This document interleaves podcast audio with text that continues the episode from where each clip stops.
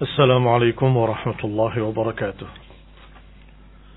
إن الحمد لله نحمده ونستعينه ونستغفره ونعوذ بالله من شرور أنفسنا ومن سيئات أعمالنا. من يهده الله فلا مضل له ومن يضلل فلا هادي له. وأشهد أن لا إله إلا الله وحده لا شريك له وأشهد أن محمدا عبده ورسوله صلى الله عليه وعلى آله وأصحابه والتابعين وتابع التابعين ومن تبعهم إلى يوم الدين. وبعد إخواني في الدين أعزكم الله كمسلمين para pendengar radio Indah Siar yang kami hormati. Kita masuk pada bab yang berikutnya dari mutiara-mutiara yang indah yang disusun oleh Imam Nawawi rahimahullah. Yaitu bab taubah. Bab bertaubat. Sebagaimana biasanya Imam Nawawi rahimahullah menyusun mutiara-mutiaranya diawali dengan ucapan Allah Subhanahu wa taala kemudian dengan ucapan Rasulullah SAW. Hanya saja pada bab taubat ini beliau sebelum masuk pada dalil, beliau berbicara definisi. Sehingga beliau berkata di awalnya, qala al-ulama'u at-taubatu wajibatun min kulli dhanbin kanat al-ma'siyatu bainal 'abdi wa bainal Allah ta'ala la tata'allaqu bihaqqin adamiyyin falaha thalathatu syurut. Kata beliau, berkata para ulama, yang namanya taubat hukumnya wajib dari segala macam dosa. Kalau kemaksiatan itu kaitannya hanya dirinya dengan Allah, kaitannya hanya dia dengan Allah saja, tidak berkait dengan manusia, maka laha salah satu syurut. Maka baginya ada tiga syarat. Yang pertama, ayyuqli'a anil ma'siyah. Yang pertama, dia menghentikan kemaksiatan tersebut. Berhenti dari perbuatan dosanya. Watsani an yandama ala fi'liha. Syarat kedua, hendaklah dia menyesali apa yang dia perbuat. Asalis, yang ketiga, an ya'zima an la ya'uda ilaiha abada Asalis yang ketiga hendaklah bertekad untuk tidak mengulanginya selama-lamanya. Bertekad untuk tidak kembali pada dosa tersebut selama-lamanya. In fuqida ahadus salasati lam tasih taubatuhu. Kalau hilang salah satunya, maka taubatnya tidak sah. Demikian kata beliau rahimahullahu taala. Maka kita mendapatkan faedah penting dari beliau bahwa yang namanya taubat itu adalah bertaubat kepada Allah Subhanahu wa taala dan di dalamnya terkandung tiga perkara. Yang pertama menghentikan. Kalau dia bertaubat tapi dalam tetap atau dalam keadaan terus mengerjakan perbuatan dosanya, itu bukan taubat namanya. Orang berbuat dosa, memegang khamar di tangannya, sambil berkata astagfirullah, astagfirullah, saya masih, saya mau berbuat dosa. Astagfirullah, saya bertaubat pada Allah, minum lagi. Kemudian berkata istiqomah, dalam keadaan di tangannya masih memegang. Batal khamr tadi. Ini bukan taubat. Mengapa? Karena la yuqli' Adapun taubat seperti para sahabat radhiyallahu alaihim majma'in ketika turun ayat Innamal khamru wal maisir wal azlamu rijzun min amal syaitan.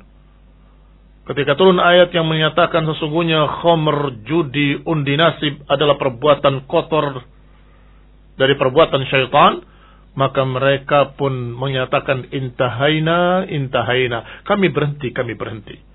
Dan mereka buang apa yang di tangannya. Apa yang ada di bejananya. Apa yang ada di drum-drum mereka. Tentunya drum kayu waktu itu mereka membuangnya seluruhnya. Apa yang di tangan, apa yang di botolnya, apa yang di rumahnya. Semuanya mereka buang sampai diriwayatkan oleh para ahli sejarah. Zuqaq al-Madinah Zukak itu ganggang Madinah, semuanya becek dengan khomer. Becek dengan khomer karena mereka semua membuang khomer tersebut. Dan mereka berkata, intahaina, intahaina. Ini an yukli' anil ma'asiyah. Berhenti dari kemaksiatan tersebut.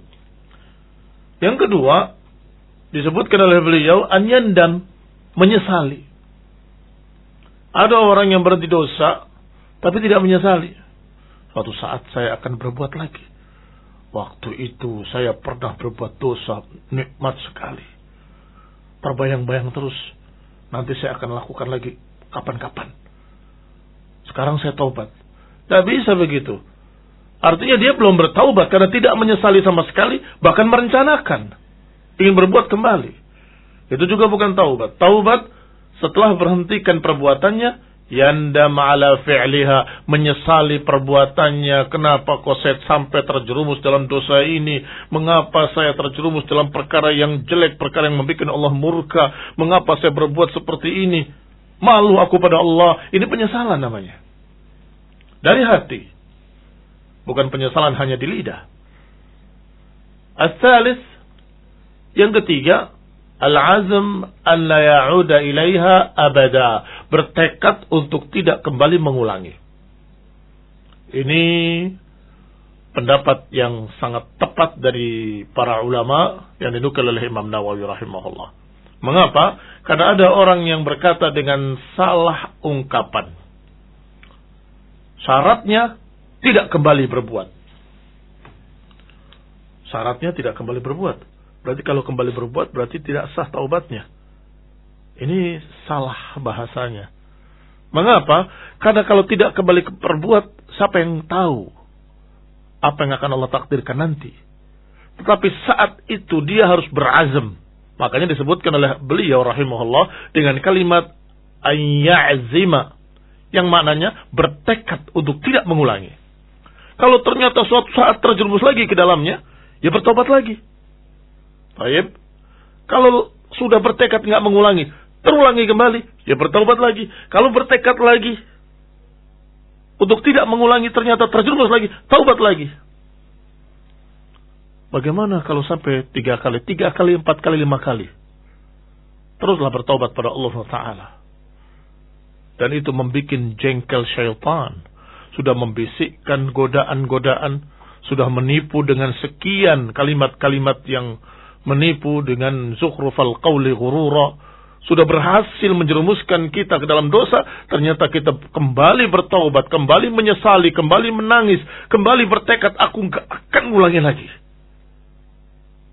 Kemudian setan berusaha lagi, mungkin sudah satu tahun, dua tahun berhasil, tiba-tiba terjerumus lagi di dalamnya. Perbuatan yang sama, dia bertobat lagi, dan itu membuat jengkel syaitan. Ikhwani bidina azakumullah kaum muslimin rahimani wa rahimakumullah. Para ulama sepakat bahwa perkara ini tidak dibatasi dua kali atau tiga kali. Kalau terjerumus kembali, terjerumus kembali, taubat lagi, taubat lagi.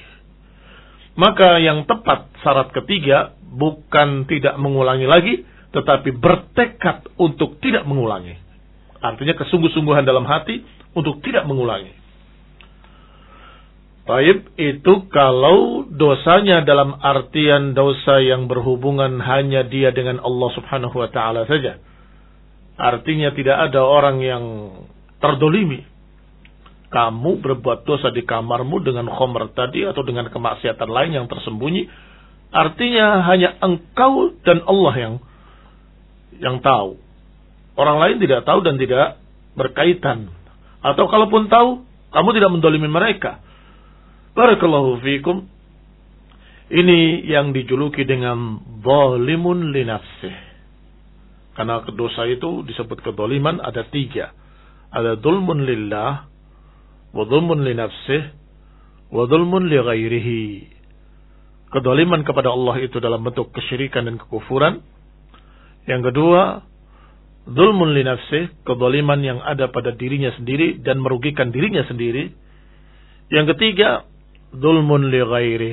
Zalim pada orang lain. Pada hamba-hamba yang lain. Adapun yang pertama dengan kedua, berarti hanya hubungannya dia dengan Allah saja. Ketika dia terjerumus dalam kesyirikan, dalam kekufuran, maka segera dia bertaubat dan kembali pada Islam. Taib. Yang kedua, dulu mulai nafsih, kalau dia berbuat dosa atas dirinya sendiri, merusak dirinya dengan narkoba, merusak dirinya dengan khomer, merusak dirinya dengan berbagai macam kejelekan-kejelekan, itu dulu mulai nafsih pada dirinya. Maka segeralah bertobat pada Allah subhanahu wa ta'ala dengan syarat-syarat yang tiga tadi. Adapun dulmun li ghairihi, adapun zalim pada orang lain, berarti ada yang jadi korban, maka kata beliau, kata Imam Nawawi rahimahullah, kanatil ma'siyatu tata'allaq bi adamiyyin fasyurutuha arba'ah. Adapun kalau dosanya berkait dengan manusia, ada korban dari dosa tersebut, kemaksiatan itu membawa korban, maka berkait dengan manusia fasyurutuha arba'ah. Maka syaratnya empat. Tadi kan tiga, sekarang empat. Hadih salasah, apa empat? Yang tiga sama dengan yang tadi. Berhenti dari perbuatannya.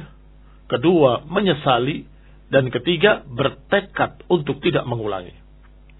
Yang keempat, wa an yabra'a min haqqi sahibiha yang keempat, hendaklah dia berlepas diri dari hak-hak saudaranya dalam artian dia melepaskan tanggung jawabnya dengan berbagai macam cara, berbagai macam bentuk tergantung dari dosanya. Fa in kanat malan aw nahwahu raddahu ilaih. Kalau dalam bentuk harta engkau merampas, engkau mencuri, engkau menipu, maka kembalikan padanya. Aku bertobat pada Allah Ta'ala. Ini hartamu, ambil kembali olehmu. Loh saya kan waktu itu beli, iya tapi sesungguhnya menipu. Itu barang palsu. Harganya tidak sampai sekian. Ini saya kembalikan uangnya. Atau dia mencuri, kembalikan. Atau dia merampok, kembalikan ila akhirnya. Ini kalau dalam bentuk harta. Wa in kanat haddu qadfin wa nahwahu makkanahu minhu kalau ternyata tuduhan-tuduhan maka dia harus menyesali perbuatannya, menghentikan perbuatannya, bertekad untuk tidak mengulangi dan mendatangi orangnya. Saya waktu itu hanya menuduh dengan tuduhan palsu. Silahkan. Apa yang mau kamu timpakan pada saya? Apakah mau diselesaikan kembali ke pengadilan ila akhirnya? Makanahu minhu atau kalau bukan makanahu minhu, menyerahkan dirinya untuk dihukumi. Yang kedua, afuhu, meminta maafnya. Baik, wa in kanat ghibatan istahallahu minha. Kalau ghibah, minta halalnya. Ana pernah beberapa kali menceritakan tentang kejelekan antum. Maafkan saya dan halalkan saya, saya demi Allah sudah bertekad untuk tidak mengulangi kembali. Baik, kalau ditanya rinci apa kejelekannya, tidak harus ya, dirincikan. Pokoknya saya sudah menceritakan dan saya akan perbaiki kembali nama antum. Saya akan kembali ke perbaiki kembali nama anda. Insya Allah biidlahi ta'ala. Saya bertekad untuk memperbaiki kembali namamu.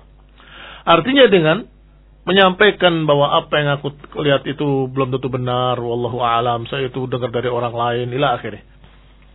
Wa yajib an yatuba min jami'id dunub. Dan itu pada segala dosa.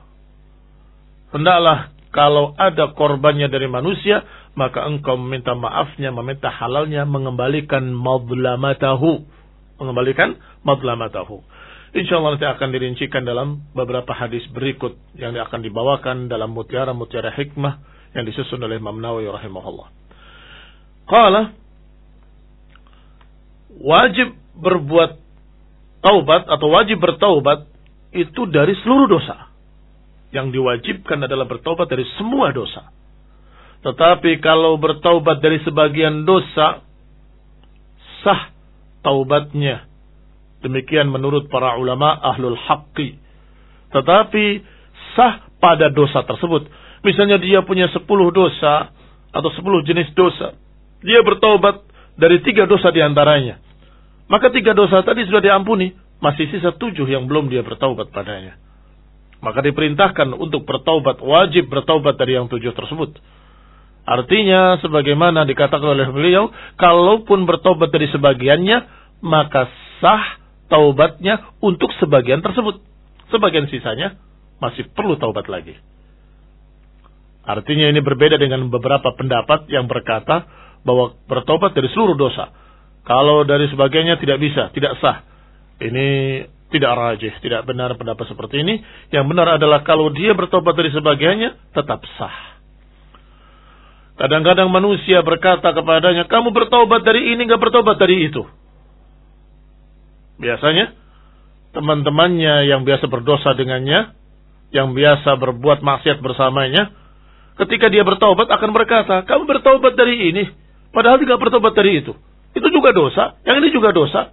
Kenapa dari Maksudnya ingin menggembosi. Maka jangan gubris dia. Bilang, Alhamdulillah aku sudah bertobat dari satu perkara ini. Insya Allah aku akan lanjutkan bertobat dari perkara yang berikutnya, yang berikutnya. Sehingga jangan dicerca. Karena dia sudah mulai bertaubat dari dosanya satu persatu dan itu bagus. Alhamdulillah. Qala wa baqiya alaihi al-baqi. Maka sisanya tetap dia berkewajiban untuk bertaubat. Waqad tadhaharat dalailul kitab was sunnah dan telah banyak dalil-dalilnya dari kitab was sunnah dan juga ijma' para salafil ummah wa ijma'ul ummah ala wujubit taubah. Telah sepakat umat tentang wajibnya taubat. Qanifidina azakumullah muslimin para pendengar radio Indah Siar yang kami hormati. Walhamdulillah Beliau sudah jelaskan apa makna taubat dan apa syarat-syaratnya, maka mulailah beliau akan membawakan dalil-dalilnya satu persatu. Insya Allah kita akan baca dan akan membahasnya pada pertemuan yang akan datang biidnillahi taala. Di antaranya yang pertama ayat Allah Subhanahu wa taala dalam surat An-Nur, "Tubu ilallahi jami'an ayyuhal mu'minuna la'allakum tuflihun." Bertaubatlah kepada Allah seluruhnya. Wahai kaum mukminin, agar kalian mendapatkan falah. Allahu taala alam bisawab wa sallallahu ala Muhammadin wa ala alihi wa ashabihi wa sallam tasliman katsira. Jazakallahu khair kepada Ustaz Muhammad yang telah menyampaikan mutiara indah dari Imam Nawawi rahimahullah. Semoga memberikan manfaat dan tadi terkait dengan definisi dan syarat-syarat jasad dan tentu saja nanti insya Allah setiap hari kita akan ikuti dari uh, ayat-ayat Al-Quran yang semoga akan memberikan kepada kita motivasi untuk kita bertobat.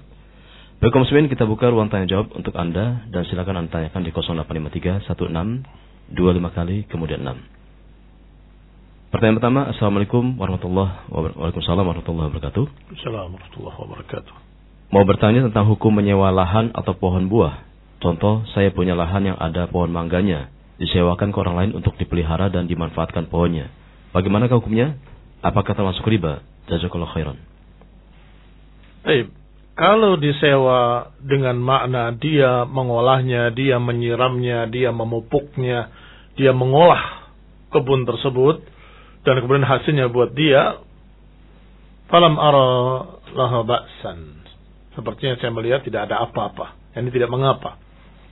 Tetapi kalau menyewa itu maksudnya pokoknya buahnya selama satu tahun ini saya beli semua dengan harga sekian. Itu nggak boleh. Nah, apa bedanya dengan yang tadi? Berbeda. Kalau tadi dia menyewa dan mengolah kebun-kebun tersebut dan supaya bisa berbuah dia beginikan dia begitukan supaya banyak buahnya ila akhirih maka itu usaha dia. Tetapi kalau membeli selama satu tahun itu bukan menyewa sesungguhnya. Yang disebut di dalam istilah kita pengijon. Pengijon itu membeli sesuatu yang belum jelas. Apakah setahun ini buahnya akan banyak atau akan sedikit? Apakah satu tahun ini buahnya akan melimpah atau buahnya malah gagal panen? Apakah yang tahun ini buahnya akan bagus seperti tahun lalu atau mungkin akan kecil-kecil jelek dan kemudian berhama? Wallahu alam tidak tahu. Maka di sini ada goror. Goror itu adalah satu jual beli yang mengandung spekulasi tinggi yang dilarang oleh Rasulullah SAW. Rasulullah SAW naha an bay'il gharar. Nabi melarang jual beli yang mengandung gharar. Barakallahu fikum. Sehingga kalau mau membeli buah yang masih di pohon, ini karena berkaitan dengan ini nggak mengapa, tambahan faedah. Maka ketika dia membeli buah yang di pohon, syaratnya pertama buah itu sudah bisa dipetik saat itu. Artinya kalau korma sudah berwarna merah atau berwarna kuning. Karena ketika hijau diturunkan rusak. Ya ini tidak akan matang. Tapi kalau sudah memerah atau menguning diturunkan akan masak. Maka ketika memerah menguning itu syarat pertama. Syarat kedua, ya tentunya mangga juga begitu. Syarat kedua harus diturunkan saat itu juga. Ini buahnya. Saya beli sekian, boleh turunkan. Begitu. Setelah cocok harganya. Ada yang ketiga. Pembeli dan penjual sama-sama tahu dan bisa menaksir jumlahnya di atas pohon. Kata Syekh Ibn Uthaymin rahimahullah, kalau salah satunya tidak bisa menaksir, akan terdolimi. Misalnya penjualnya nggak bisa menaksir. Kelihatan sedikit kata pembelinya, ini cuma sekian. Udah sekian aja. Iyalah. Begitu diturunkan sekian puluh karung, penjualnya terkejut. Kalau tahu segitu nggak saya jual dengan harga yang murah begitu. Ini terjadi kedoliman. Artinya ketidakriduan dari si penjual. Atau sebaliknya. Pembeli yang maghbun. Ketika pembelinya tidak ahli, tidak mengerti. Penjualnya tahu pohon ini diperkirakan paling-paling sekian. Oh ini banyak ini begini-begini. Karena memang di pinggir-pinggir semua buahnya terlihat seperti banyak. Sudah Sesuai harganya diturunkan hanya satu karung saja. Lebih sedikit yang dia perkirakan bakal sepuluh karung. Maka penjualnya yang sedih. Kali ini rugi dia. Sehingga syarat berikutnya adalah harus sama-sama ahli dalam menaksir buah di atas pohon. Sehingga tidak akan ada yang terdolimi antara keduanya. Wallahu ta'ala alam. Adapun menyewa harus dirincikan seperti tadi. Kalau menyewa dalam artian buahnya selama sekian, selama satu tahun semua buat saya. Berapa jumlahnya kamu tidak tahu. Dan itu namanya jual beli sesuatu yang tidak jelas. Tidak boleh membeli kambing yang masih ada di perut induknya. Ini kalau lahir saya beli. Tidak boleh. Demikian pula pohon sebelum berbuah. Nanti kalau lahir, uh, kalau berbuah saya beli. Tidak boleh. Karena mengandung horor. Wallahu ta'ala alam. Berikutnya Ustaz, Bismillah, Assalamualaikum warahmatullahi wabarakatuh. Semoga Ustaz selalu dalam lindungan Allah Azza wa Jalla. Afan Ustaz, apakah memasang AC untuk masjid termasuk amalan jariah? Kalau termasuk, apakah amal jariahnya terputus apabila AC tersebut rusak? Jazakumullah khairan. Nah, semua apa yang membantu kaum muslimin dalam ibadah mereka adalah amal jariah. Seorang dalam keadaan Beribadah pada Allah membutuhkan ketenangan, membutuhkan ketentraman. Kalau panas, berkeringat, dia gelisah dan tidak akan khusyuk salatnya. Tetapi dengan uh, air conditioner tersebut, dia akan sejuk, akan tentram, bahkan bisa jadi dia akan lebih khusyuk doanya dan bisa jadi akan didoakan pula, pula orang yang memberikannya. Masya Allah. Tetapi namanya jariah selama barang tersebut bermanfaat. Kalau itu bangunan, selama dia terus bermanfaat, maka dia jariah. Selama digunakan, maka dia jariah. Ketika berhenti, ya berhenti. Demikian pula AC ketika rusak, rusak dalam artian bisa diperbaiki, ya jariah lagi, nyambung lagi. Tapi kalau artiannya sudah suatu saat kan memang akan akan rusak lah. Kuluman alaiha fan. Bukan hanya AC, masjid juga suatu saat akan rusak. Ya saya dulu sumbang keramik dan kemudian keramiknya sudah hancur, pecah-pecah, diganti dengan yang baru. Ya selesai sudah. Barakallahu fikum. Wallahu ta'ala alam. Mudah-mudahan Allah akan lipatkan pahalanya berlipat-lipat kali di sisi Allah ta'ala. Dan akan Allah berikan jariahnya terus-menerus. Wallahu ta'ala alam. Berikutnya, apakah hukum video call? Jazakumullah khairan. Uh, Barakallahu fikum. Baik.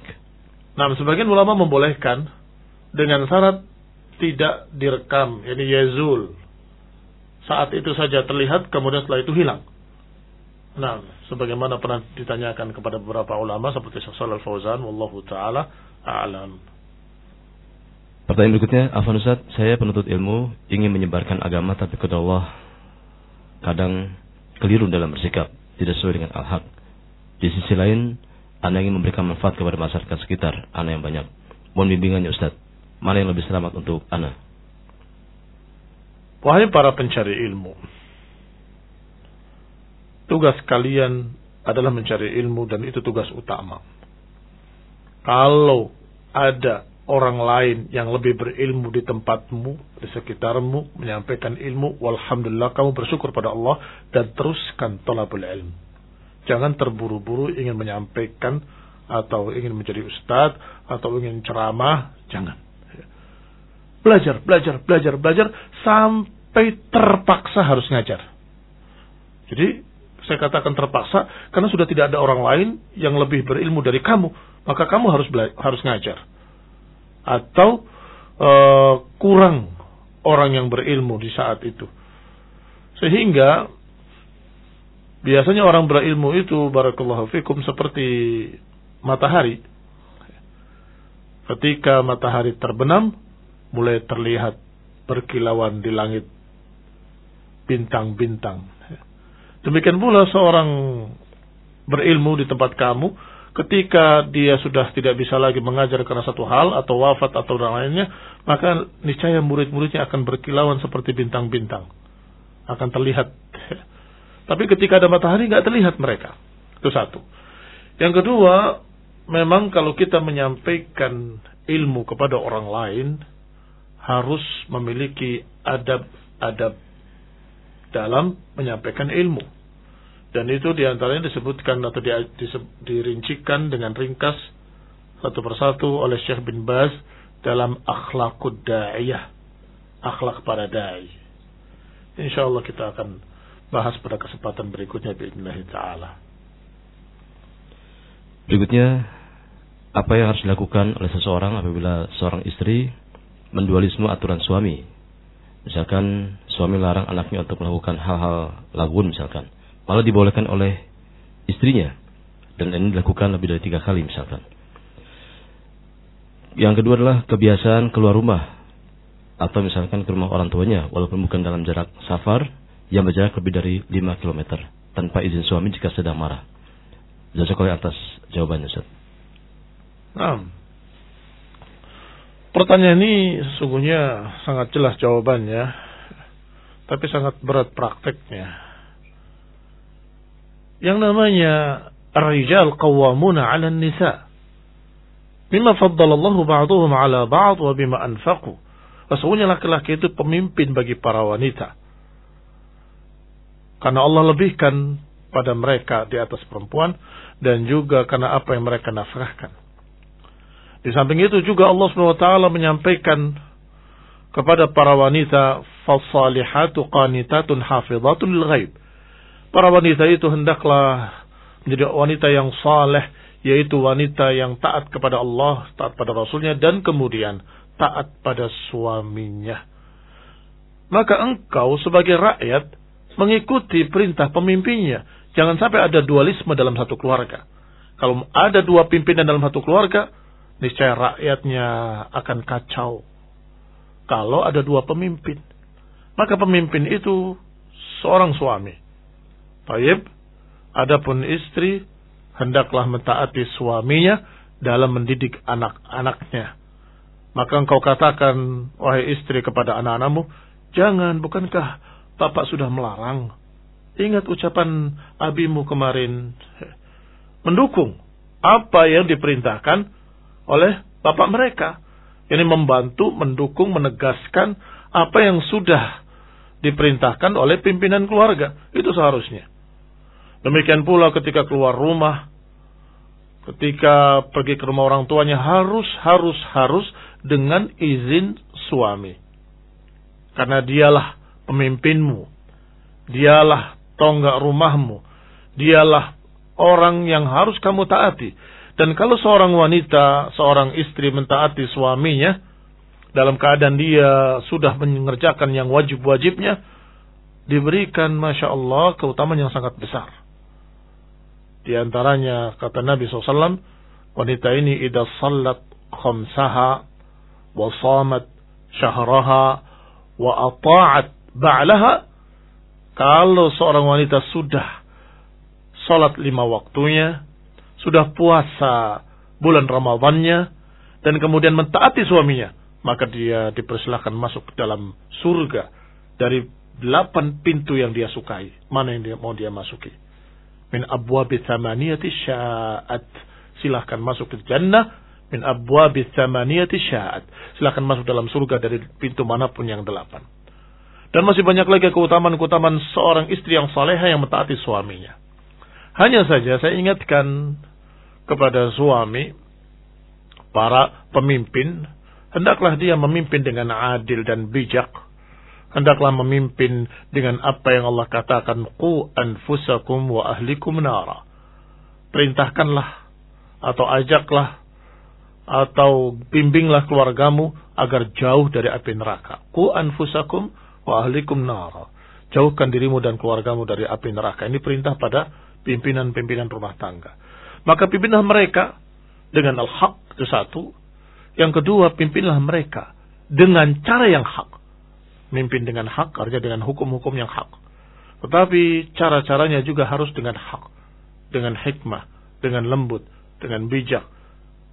Sehingga dia tahu kebutuhan istrinya, kebutuhan anak-anaknya maka hendaklah dia katakan pada istrinya nanti ya besok atau lusa kita akan ke sana. Artinya melarangnya karena satu hal yang suatu saat akan diizinkan karena satu rahmi pada orang tua adalah khair. Barakallahu fikum. Sehingga kalau tidak bijak kemudian terjadi pelanggaran-pelanggaran, kita tidak bisa salahkan satu pihak. Tetapi bisa jadi dua pihak ada kesalahannya masing-masing. Wallahu taala a'lam. Apakah dengan melunasinya terus terhindar dari riba? Kalau engkau sudah menandatangani teken kontrak bahwa kalau saya terlambat sekian satu bulan ini saya akan tambah sekian, kalau begini saya akan tambah sekian. Itu artinya kamu sudah mensujui riba dan itu sudah salah.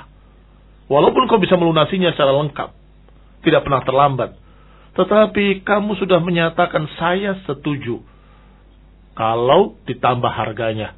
Kalau tambah panjang waktunya, tambah harganya. Saya setuju. Itu sudah menyetujui riba. Bertobatlah pada Allah SWT. Barakallahu fikum. Lagi Ustaz, uh, waktunya sudah habis dan jazakallah khair atas uh, kesempatan Ustaz untuk menyampaikan kajian Islam dan menjawab pertanyaan-pertanyaan kami. Dan kaum Insya Allah kita akan lanjutkan esok hari pada waktu dan kesempatan yang sama masih dalam bab tentang tobat dan terima kasih atas atensi Anda dalam pertanyaan-pertanyaan dan semoga akan memberikan manfaat bagi kita semuanya kaum muslimin. Dan kami ucapkan mohon maaf yang uh, atas salah dan kurangnya dan juga semoga apa yang kami sajikan dapat bermanfaat. Sekali lagi uh, Anda bisa sampaikan pertanyaan di 0853 16 25 kali dan kemudian 6 pada kesempatan esok hari. Adapun pertanyaan yang belum terjawabkan, kami mohon maaf. Insya Allah semoga akan terjawabkan pada kesempatan esok hari.